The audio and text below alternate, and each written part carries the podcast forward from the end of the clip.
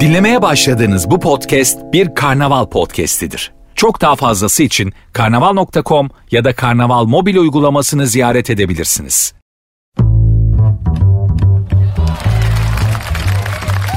Herkese iyi akşamlar. Ben Nuri.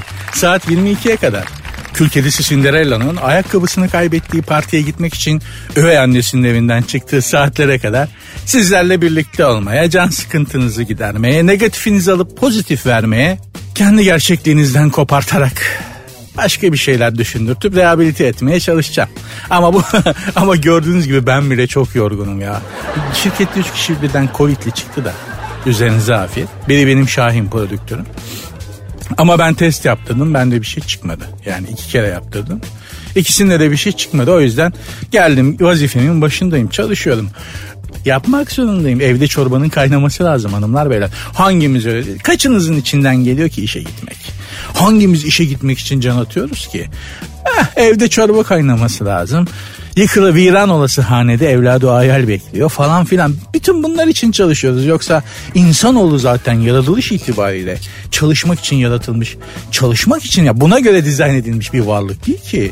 Yan gelip yatmak için cennette keyif yapmak için aslında yaratılmış. Böyle dizayn edilmiş varlıklarız. Ha oradan tekme yiyip de dünyaya aşağıdaki yer değil mi? Kelime anlamı. Dünya aşağıdaki yer. Aşağılık yerde şeklinde de geçiyor bazı yerler. Buraya atılmışız, buraya koymuşlar. Çalışmak zorundayız. Yapacak bir şey yok. Yoksa dizaynımız hem kafa olarak, yaratılış olarak hem vücut olarak ya ellere bak, ayaklara bak. Bunlarla ne yapabilirsin abi? O yüzden beyni geliştirmişiz zaten. Hani bu ellerle, ayaklarla, dinozorlarla, aslanla, kaplanla baş etmek mümkün olmamış. Demiş ki kafayı işletelim. yani bütün insanlığın macerası bu. Başka türlü başka türlü var olamayacağımız için bu eller, bu ayaklar bizi kurtarmaz. Aslan var, kaplan var. Onlar daha güçlü. E bizde ne var? Bari beyin biz de bunu işletelim demişiz de öyle beslenme zincirinde en üst halkaya çıkmışız falan filan. Diyeceğim o ki saat 22'ye kadar sizlere iyi vakit geçirmeye çalışacağım. Yaparım yapamam bilemiyorum ama yapabilirsem yemeğimi hak ettim demektir. Bunun verdiği gönül rahatlığı da beni mutlu etmeye yeter. Haftanın son günündeyiz. Yarın cumartesi günü yorganı tepikleye tepikleye pek çoğunuz döneli döneli sabah uykusu uyuyacaksınız. Havalar da kötü olacak diyorlar. Kışın sabah uykusu daha tatlıdır. Benim öyle olmayacak. Benim sabah çok erken kalkıp bir uçuş yapmam lazım. Bir yere gitmem lazım ama sizlerin pek çoğunuz sabah döne döne yorganı tekmeleye tekmeleye oradan oraya oradan oraya yatağın içerisinde kışın sıcak yeri yazın soğuk ve serin yeri aramak suretiyle sabah uykusunun en tatlı anları inşallah herkese nasip olur. Tatlı tatlı güzel bir cumartesi sabahı olur. Şimdiden temenni ediyorum. Saat 22'ye kadar beraberiz. Programın Instagram adresi ve Twitter adresi aynı. Sert unsuz yazıp sonuna iki alt tire koyuyorsunuz. Benim Instagram adresim de Nuri Ozgul 2021. Tweet atana hayır dua ederim. Şimdilik para veremiyorum ama. Ya tweet atan işte Instagram'dan yazanlara falan çok hayır dua ederim. Benim duamda tutar. Allah Allah rızası için. Artık artık bu duruma geldik ya. Radyoculuk ne hale geldi ya. Hadi başladık devam edeceğiz.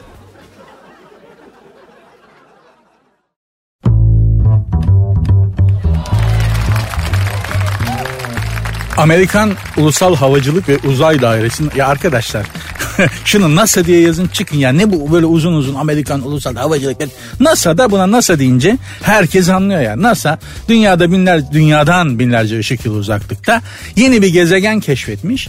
Yeni gezegende bir yılın yalnızca 16 saat sürdüğü ve en sıcak ikinci gezegen olduğu ifade edilmiş.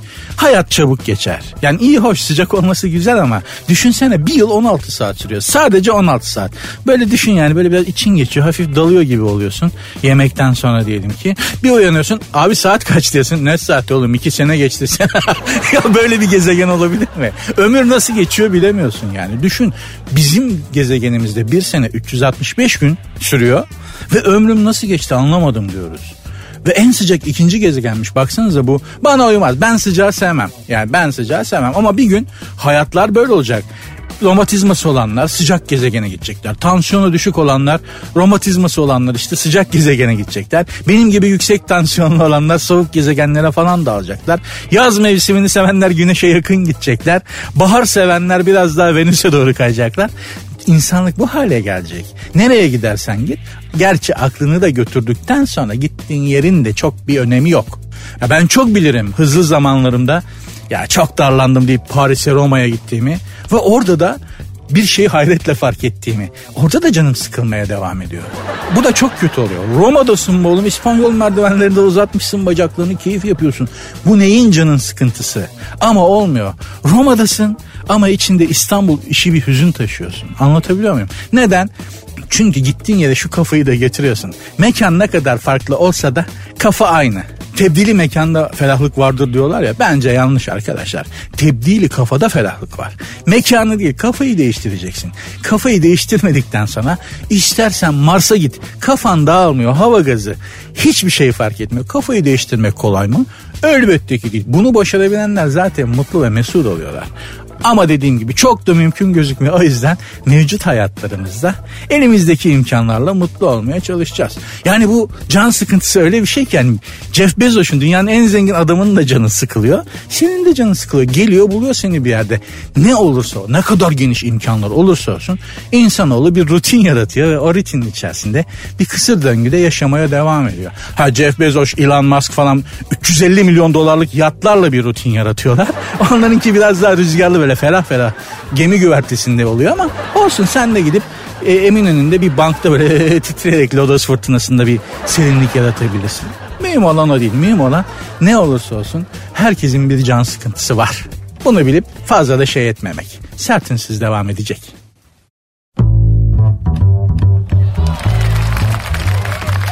Barış Arduç can kurtaranmış. Yani ünlü olmadan önce can kurtaranmış.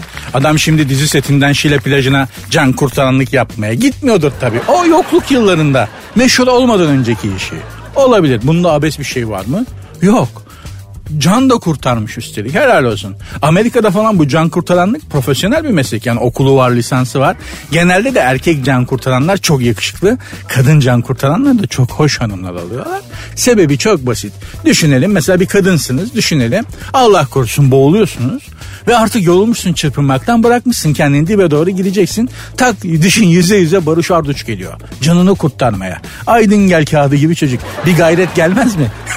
Ablacığım bir yaşama isteği ya da tam tersi mesela erkeksin gene Allah korusun boğuluyorsun artık bırakmışsın kendini dibe doğru gideceksin sana geliyorum Rabbim diyorsun o sırada mesela yüze yüze Christina Aguilera geliyor seni kurtarmaya var ya o anda orkinos balığı olurum. Atlantis'ten gelen adam olurum.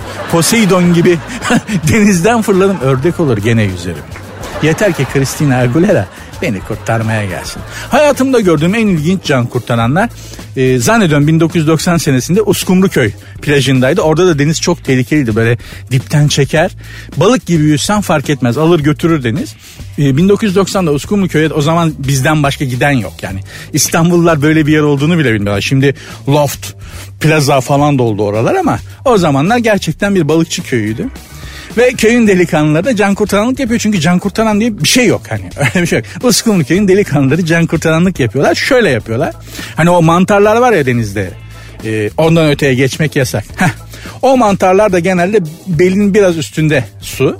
Orada bekliyorlar ayakta. Ellerinde birer meşe odunu budaklı mantarlara yaklaşanlara gel gel gel de kafana geçireyim bunu diye tehdit ediyorlar. Bu can, kurtaranlık bu. Gelene de odunu sallıyorlar. Gel ama çok etkili. Yani ben senelerce 10 sene falan bir Allah'ın kulunun boğulduğunu görmedim. Meşe odunuyla bekleyince can kurtaran. Daha etkili. ya ne günlerdi ya. Gerçekten çok etkili bir can kurtarma yöntemiydi. Senelerce bir kişi bile hayatını kaydetmedi. Yeminle söylüyorum. Şimdi artık öyle değildir tabii. Uskumruköy falan sosyete mekanı oldu. Rezidanslar, loft daireler falan dediğim gibi. Ünlü olmadan önce can kurtaranlık yapan başka bir ünlü de Tarık Akan'dı. Rahmetli anayım kendisini de bu vesileyle. Sert ünsüz devam ediyor. Programın Instagram ve Twitter adresleri aynı. Sert unsuz yazıp sonuna iki alt tere koyuyorsunuz. Benim Instagram adresim de Nuri Ozgul 2021. Bu adresleri neden verdim? Ha belki programa katılmak, interaktif bir şeyler yapmak istersiniz. Olur. Mümkün. Yazılan her şeyi okuyorum. Cevap verilmesi gereken her şeye cevap veriyorum. Dünyaya benim aracılığımla iletmek istediğiniz bir mesaj da olabilir. Dediğim gibi global bir yayın. Kuzey Kutup Dairesi'nden Güney Kutup Dairesi'ne, Japon denizinden Bering Boğazı'na kadar her yerde bu yayın gidiyor. İnsanlığa iletmek istediğim büyük bir mesajın olmayabilir. Ufak da bir şey olsa fark etmez. Söyle ben iletirim onu. ben iletirim onu insanlığa. Hiç merak etmeyin. Bana güven. Sert ünsüz devam ediyor.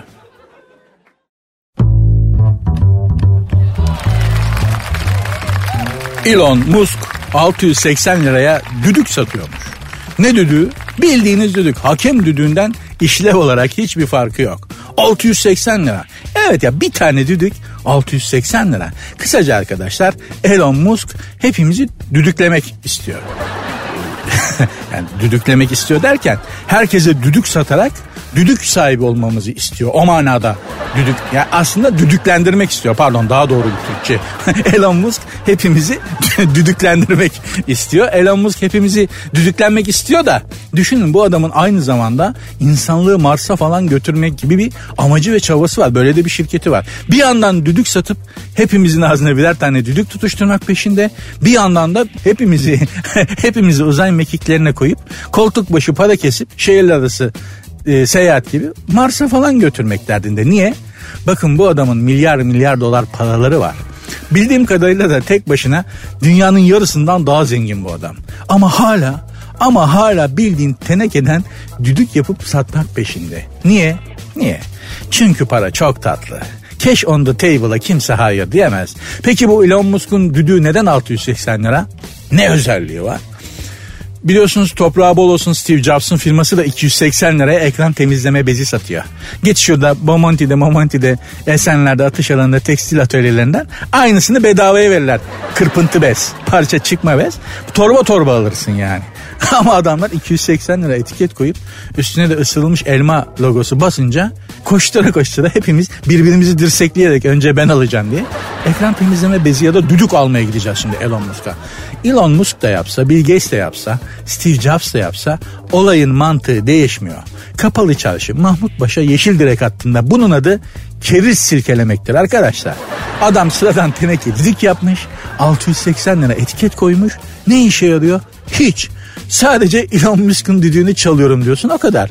Ama sesici olmakta fayda var. Yani birinin düdüğünü çalacaksak hiç olmazsa şey deriz yani abi biz Elon Musk'un Elon Musk'ın düdüğünü çalıyoruz be.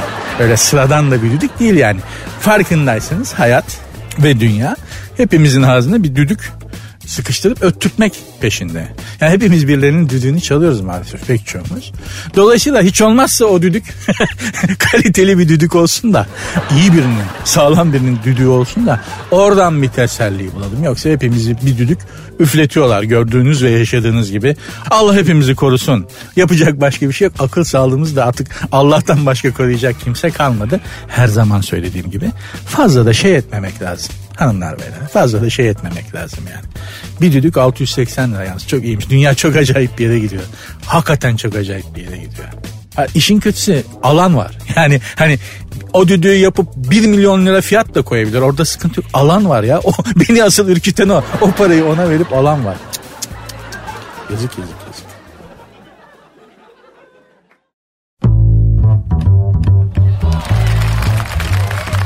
Dünyada bugüne kadar tam 1679 adet coin cinsi sanal para batmış. En son Kayseri merkezli bir şey coin. Neydi o? Ne coin? Ne önemi var ki? Ne coin olduğunu. Sonuçta coin işte. Kayseri merkezli bir şey coin batmış. Piyasayı dolandırıp tüymüşler. Yani yine bir coin dolandırıcılığı sonuçta. Arkadaşlar bizde de ne para varmış. Çok özür dilerim ama. Ya çarpıla çarpıla bitmedi bizdeki para ya. Ya tosun mosun tosuncuk mosuncuk hatırlıyor musunuz? Ya artık o kadar çok tokatlanıyoruz ki. Yani terör örgütü hesabını ele geçirdi. Yok şuradan arıyorum para getir. Bilezikli. En son işte bu coin tokatçıları çıktı. O kadar çok sağdan soldan tokatlandık ki. Ya Tosuncuğu söylemesem hatırlayacak olanınız var mı? Yok. O kadar çok geliyorlar ki arka arkaya. Hani artık bazılarını unutuyoruz. Aa evet ya sanki değil mi öyle bir şey vardı gibi falan ya. Düş. Aa, bu adamlar bizim paralarımızı çaldılar ki. Benim ilk hatırladığım tokatlama dolandırıcılık hadisesi banker kriziydi. Yüksek faiz vereceğiz dediler. Millet aktı aktı böyle kapıda kuyruk oldular. Al paramı ne olur al paramı bana sonra yüksek faiz ver diye. Sonra o paralarla tüydü bankerler. Sonra mesela inşaat tokatçılığı oldu. Kooperatif tokatçılığı. Hiç unutmuyorum Süleyman Demirel rahmetli başbakandı o zaman. Onlar bir ara tokatladılar vatandaşı. Bir ara bir Titan saadet zinciri vardı. Enteresan bir ceketi vardı o adamın hiç unutmuyordum. Onlar gerçi tüyme fırsatı bulamadan onları devlet toparladı. Şimdi hatırladım işte bu coin tokatçıları çıktı piyasaya. Beni şaşırtan şu. Bunu Kayseri'de nasıl yaptınız arkadaşlar? Ya Kayserili birini para bahsinde tokatlamak tebrik ederim. Yani vallahi zor. Ya yürek yemişler ya da cesaret hapı içmişler ama başarmışlar sonuçta yani. Bu coin dolandırıcılığında sistem şöyle yürüyor. Dolaylı olarak aslında yatırımcılar birbirini kazıklıyor. Yani ben bilmem ne coin alıyorum bir şey coin alıyorum. Sonra arkadaşıma diyorum ki ya sen de al iyi kazandıracak. O da alıyor. Sonra o da arkadaşına diyor ki ben aldım sen de al çok iyi kazandıracakmış. O ona işte o ona o ona o ona derken en son coin dolandırıcısı hepsine diye yani hani bu şey e, kapak açıldı. Su şişesinin kapağını açtım onun sesini. en son dolandırıcı hepsine şeklinde işlenmişler. Yani bu tavsiye şu oluyor. Yani ben coin aldım sen de al. Şu coin aldım sen de al abi. Çok artacakmış. iyi para bırakacakmış. Bunun altındaki mantık şu. Yani bari batarsak bari ben keriz gibi tek başıma batmayayım. Hep beraber ağlaşacak insanlar olsun etrafımda. Bu. Vallahi bu. Ben elimle tutmadığım hiçbir yatırım aracına yatırım yapmam arkadaşlar. Dolar mı aldım? Elime sayacaklar. Böyle şıkır şıkır şıkır şıkır. Elime sayacaklar. Altın mı aldım? Alacağım elime altını böyle okşayacağım. Arsa mı aldım? Topusunu göreceğim. Elimizle tutmadığımız şeye yatırım yapmayın bu devirde üzülürsünüz. Türkiye burası arkadaşlar patates soğanın mafyası olan memlekette. Coinle moinle bize neler yaparlar bir düşünün ya. Allah esirgesin ya. Çok cesaretlısınız coin moin bu devirde.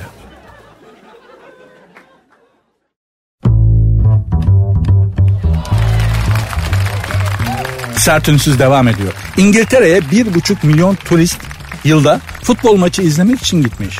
Ya futbol turizmi diye bir şey var. Bir buçuk milyon sterlin de katkı sağlamışlar. Futbol turistleri İngiliz ekonomisine. Neden? Premier Lig izleyenler bilir. Film gibi geçiyor adamların maçları. Aynen bir film senaryosu gibi. Giriş, gelişme, sonuç, çatışma ve final var maçlarda. Statlar tiyatro sahnesi gibi. Biz de maç izlemeye üste para versek adam gelmez. Yani bizim Süper Lig denen bu leş Hani futbol oynandığı iddia edilen bu arenalarda şeylerde git yani üste para vermeleri lazım bize bu maçları izlememiz için. Hakikaten öyle. Yani sokaktan geç abi şu parayı al da gel 10 dakika izle falan. A, o kalitede o seviyede bizim futbolumuz. Futbol kalitemiz leş bunu kabul edelim. Ama biz de futbol turistini tribün şovu sayesinde çekebilirdik. Beşiktaş Liverpool'u 2-1 yenmişti burada. Gerçi orada sonra 8 tane attılar ama İstanbul'da Beşiktaş Liverpool'u 2-1 yendi. O maçtan sonra İngiliz futbol sitelerindeki yorumları okumuştum Liverpool'ların yazdığı. Adamların hepsi şöyle yazmış. Tribünler çok acayip. İnönü'de mutlaka bir maç izlemeliyim. Heh, işte tam burada işi götürebilirdik. Maçı değil ama maçın havasını satabilirdik turistlere. Ki benim 3 İngiliz arkadaşım İnönü'ye geldi. Sırf çarşı tribünün içinde maç seyretmek için götürdüm. Adamların aklı gitti. Çünkü böyle bir maç izleme yok. Onların dünyasında öyle bir tribün yok. O zamanlar rahmetli Optik Beşiktaş'ın çarşının tribün liderlerinden hayattaydı. Beşiktaş'ın efsane bir tribün lideridir bilen bilir. Bir baba hindi çektirdi. Yani bu bir baba hindi enteresan bir şeydir. Şimdi nasıl tarif etsem? Bütün tribün böyle dizlerin üstüne çeker. Tamam mı? Ee, amigo bir baba hindi diye bağırır. Bütün tribün ayağa fırlar hey Allah diye bağırır falan. Bir baba hindi diye. Bu beş dakika sürer. Kabataş Erkek Lisesi'nde de gelenektir bu bir baba hindi olayı. Neyse oradan geçmedir zaten. İngilizler bayıldılar ya. Bayıldı adamlar bir baba hindiye. Nedir bu ne diyoruz diye soruyorlar falan. Bir baba hindinin İngilizcesi de olacak gibi şeydi ya. One father turkey. bir baba hindi. Daha çok kafaları. daha çok kafaları karıştı tabii. Ha bu sadece çarşıda böyle yani çarşı tribününde böyle. Mesela Bursa Texas tribünü. Olurdu. Çekerdi turist.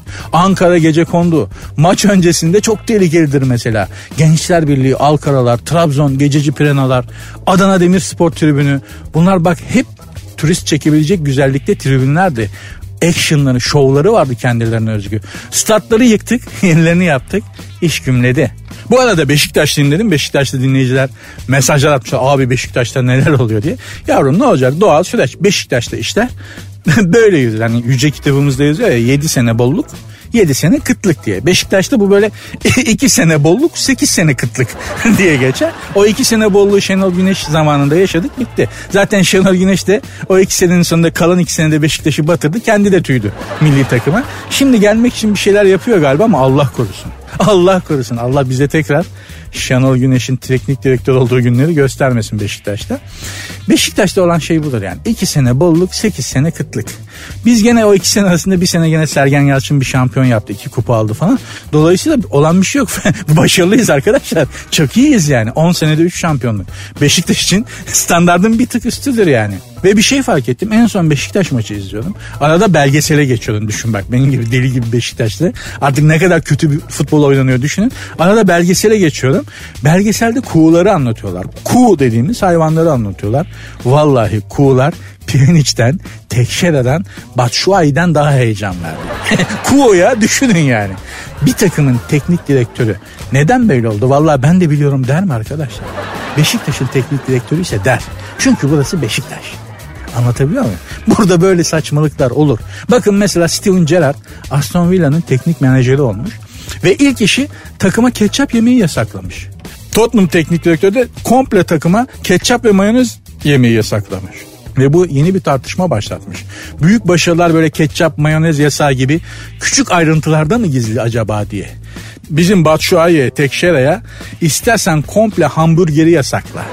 Anlatabiliyor muyum? Fark etmez. Ketçapla mayoneze düzelmez bu Beşiktaş. Biz bu, bu çileyi 8 sene 7 sene çekeceğiz arkadaşlar. Bizim kaderimiz bu.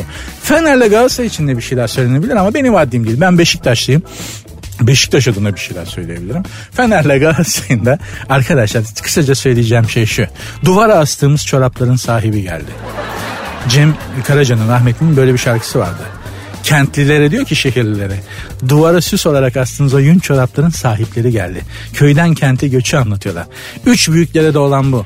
Duvara astığımız çorapların sahibi geldi arkadaşlar. Artık Anadolu futbolu bizi aşağıdan doğru zorlamayı bıraktı. Geldisi, geldi kendisi artık oturdu lige. Bu böyle gider mi bilmiyorum. Ama olan şu duvara astığımız çorapların sahibi geldi.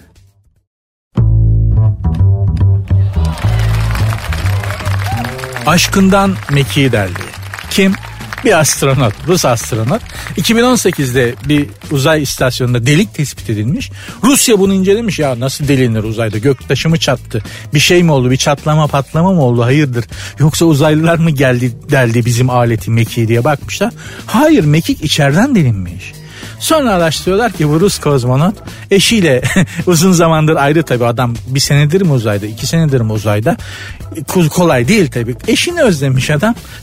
Dünyaya bir an önce dönebilmek için hani içeriden delmiş uzay mekiğini demiş ki delik var.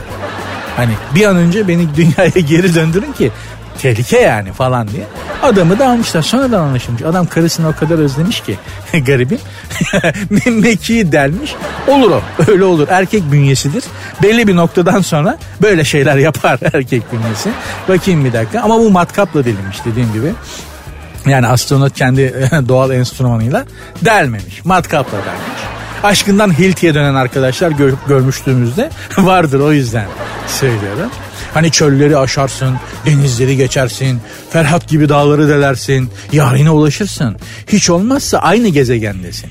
Bu garibim astronot Mekiği delip ne yapsın yani? Mekiği delip çıksa yine uzayda abi adı kadın aşağıda böyle mavi cigoz gibi bir gezegende ne yapacaksın? Mekik delmiş ki Mekik'te delik var diye hani dünyayı arayıp erkenden dünyaya dönsün de özlediği karısına kavuşsun diye. Yapar. Aşık abi adam. Aşığa neden diye sorulmaz hanımlar beyler. Uzay mekiğinde deler dünyayı da tersine döndürür kusuruna bakılmaz aşığın. Ben Putin'in yerinde olsam kızmam bu astronota. Çünkü kesin o mekiğin tamiri parasını falan bu astronotun maaşından keserler. Putin acır mı abi? Hiç gönül adamına benzemiyor. Çakır çakır bakıyor ya böyle. Hiç hiç çok kıyıcı bir adama benziyor yani. Ayrılıkların en zoru bu astronotların ki. Şimdi ben bir şekilde yani mesela sevgilini görürsün ayrı olsan başka şehirde de olsan kafaya taksan bunu gider görürsün yani sevgilini. Bir kenara çekilirsin yoldan geçerken görürsün. Ayrılmışsındır çok özlemişsindir. Tekrar gidip onunla konuşacak yüzün yoktur. Sert ayrılmışsınızdır ama hala seviyorsundur, özlüyorsundur. Ya yoluna onun geçtiği yollara bir kenara sotaya erketeye yatarsın. Geçerken görürsün kızcağızı ya da adamı. Bir hasret giderirsin. Astronot ne yapsın ya? Uzayda abi adam. Uzayda arkadaşlar adam. Deli gibi özlese bile yapacak bir şey yok yani. Allah ayrılığın bile makul olanını versin. Sen başka gezegende, sevgilin başka gezegende zor. çok zor. Ayrılık bahsinde insana gerçekten en yaratıcı olduğu dönemdir. Yani aşktan hani aşık insan yaratıcı mı olur? Hayır aşk zaten iptal eder adam yani. Hiçbir kreativiten kalmaz. Bütün sanatçılara bak hepsi ayrılık acısıyla, depresyonla beslenirler bunlar. Böyle insanlar yani. İnsanın en yaratıcı olduğu dönemdir maalesef. Ayrılık acısını çektiği dönemler. Parasız kaldığı dönemler. Aç kaldığı dönemler. Süründüğü dönemler. Bunu ben rahmetli Barış Manço'ya sormuştum. O zamanlar başka bir radyodaydık ve ben mesleğe yeni başlamıştım. Ve şunu açık açık sordum. Ya Barış abi neden 70'lerdeki gibi şarkılar çıkmıyor artık? Dedim. Et yemeye başladık için belli bir yaştan sonra. O yüzden demişti. Yani karnımız doydu. Arabaya bindik sokaktan koptuk. Açtık. Az, zor geçiniyorduk. Para lazımdı falan. Hayata tırnaklarımızı geçirmek istiyorduk. Bunun için de yaratıcı olmak zorundaydık. Kreativiteyi besleyen şey açlık, ayrılık, hüzün, depresyon. Bunlar. Yapacak bir şey yok. Maalesef.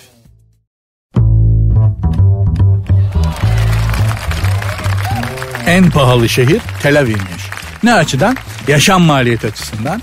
Dünyanın en pahalı şehriymiş İsrail'in başkenti Tel Aviv. Sonra ikinci sırada Paris ve Singapur varmış. Dünyanın en ucuz şehri ise Şam'mış. Fakat size bir şey söyleyeyim bütün samimiyetimle. Ben bu şehirlerin hepsine gittim. Yani Paris'e, Tel Aviv'e, Singapur'a ve Şam'a gittim. Şam'a çocukken gitmiştim. En güzeli Şam. Yani Paris'ten de güzeldi. Singapur'dan kat kat güzeldi. Tel Aviv falan zaten onun yanında hikaye. Şam beni büyülemişti. Çocuktum. Ee, 1980 yıllarıydı böyle.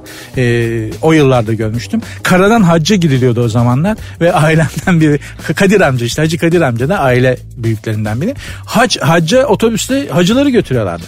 Beni de yanına aldı ve ben çocuk yaşımda e, hac yolculuğu yaptım otobüsle hacılarla beraber 70-80 yaşında 60 yaşını geçmiş amca ve teyzelerle beraber oto hac yolculuğu yaptım ve çok enteresandı.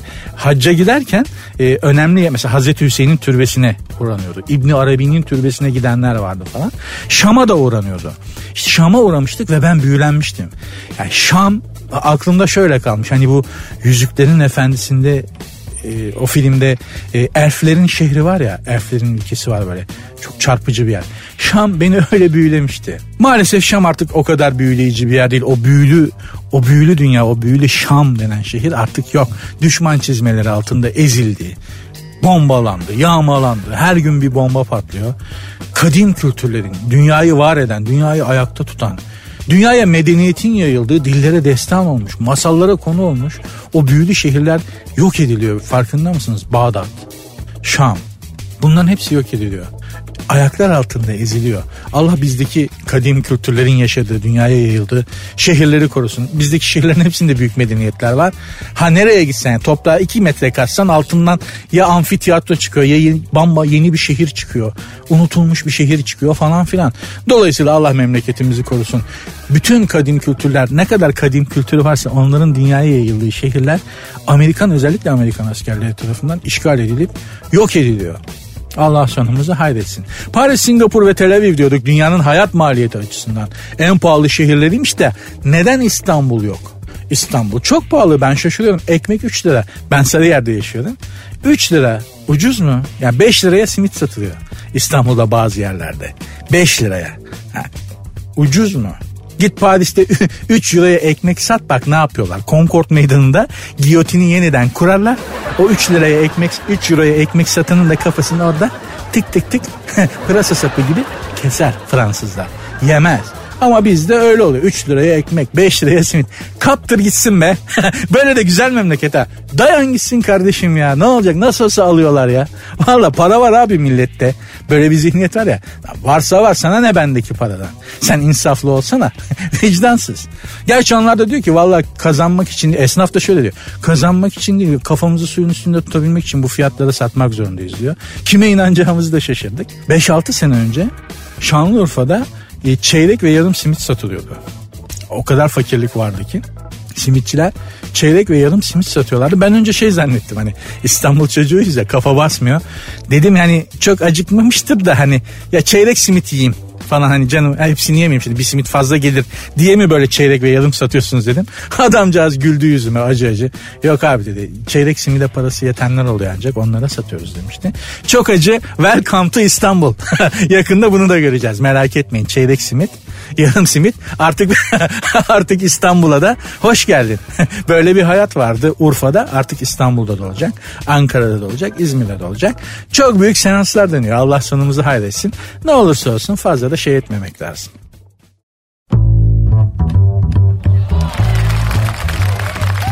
Kedileri büyü için kesti diye bir haber var. Çok tatsız bir haber. Kasım ayında Manisa Turgutlu'da 5 e, tane kedinin çeşitli tarihlerde iki ayrı noktada işte bacakları kesi, kesilmiş olarak bulunmuştu falan.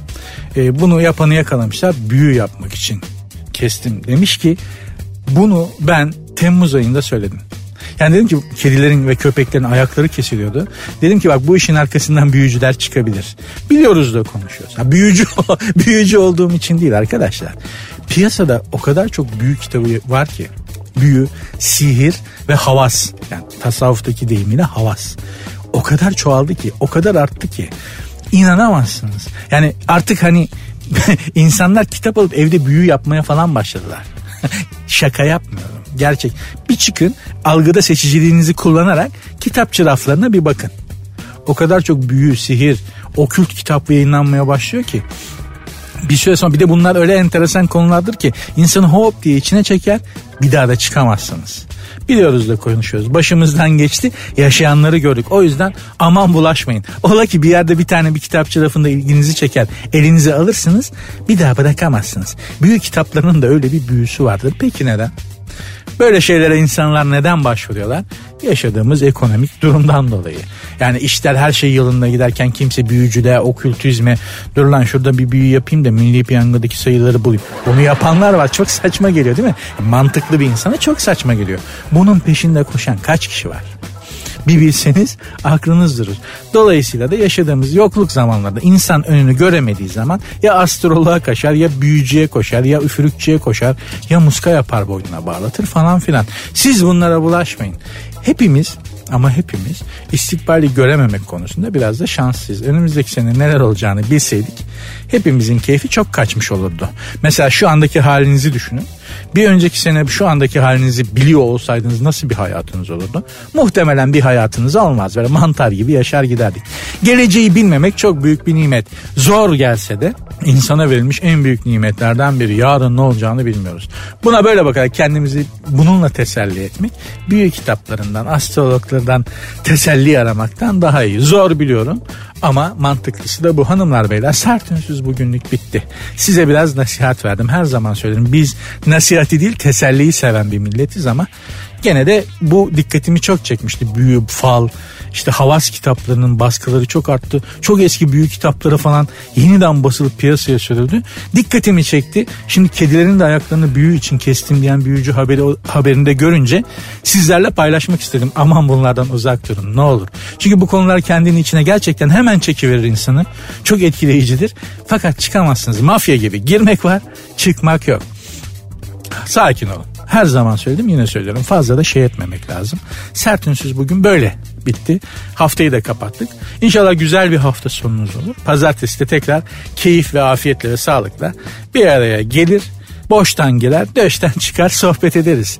Görüşmek üzere. Programın Instagram ve Twitter adreslerini son kez arz edeyim de belki hafta sonları da bir şeyler yazmak istersiniz.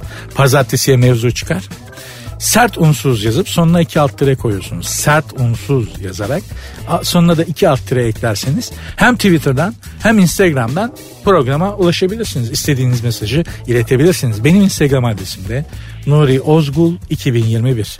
Görüşmek üzere hoşçakalın. Dinlemiş olduğunuz bu podcast bir karnaval podcastidir. Çok daha fazlası için karnaval.com ya da karnaval mobil uygulamasını ziyaret edebilirsiniz.